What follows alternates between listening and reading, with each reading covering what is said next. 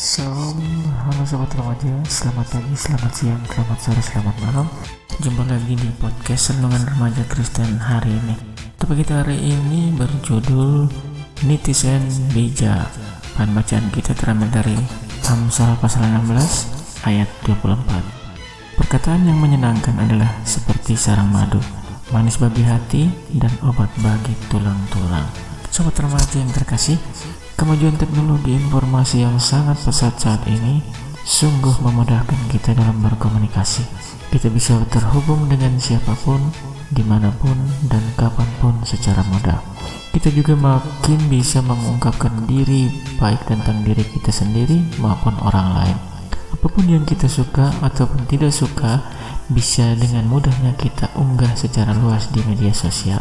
Namun, Kemudahan itu bisa membuat kita kurang menghormati keberadaan orang lain.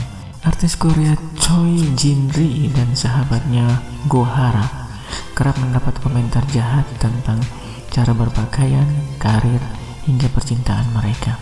Tekanan media sosial itu mempengaruhi kondisi mental mereka dan membuat mereka bunuh diri pada tahun 2019. Sobat remaja yang terkasih, kemajuan teknologi tentu perlu kita manfaatkan sebaik mungkin. Bahkan, kita perlu belajar untuk mengimbangi hal tersebut. Namun demikian, bersikaplah bijak dalam memanfaatkan semuanya itu, khususnya di media sosial. Tidak semua hal perlu kita komentari atau unggah, apalagi bila itu berpotensi melukai diri orang lain. Kita perlu bijak berkomunikasi seperti nasihat Amsal Perkataan yang menyenangkan adalah seperti sarang madu, manis bagi hati dan obat bagi tulang-tulang. Demikian renungan malam hari ini, mari kita berdoa.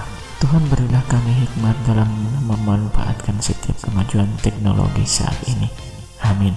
Sampai jumpa pada podcast mendatang. Shalom.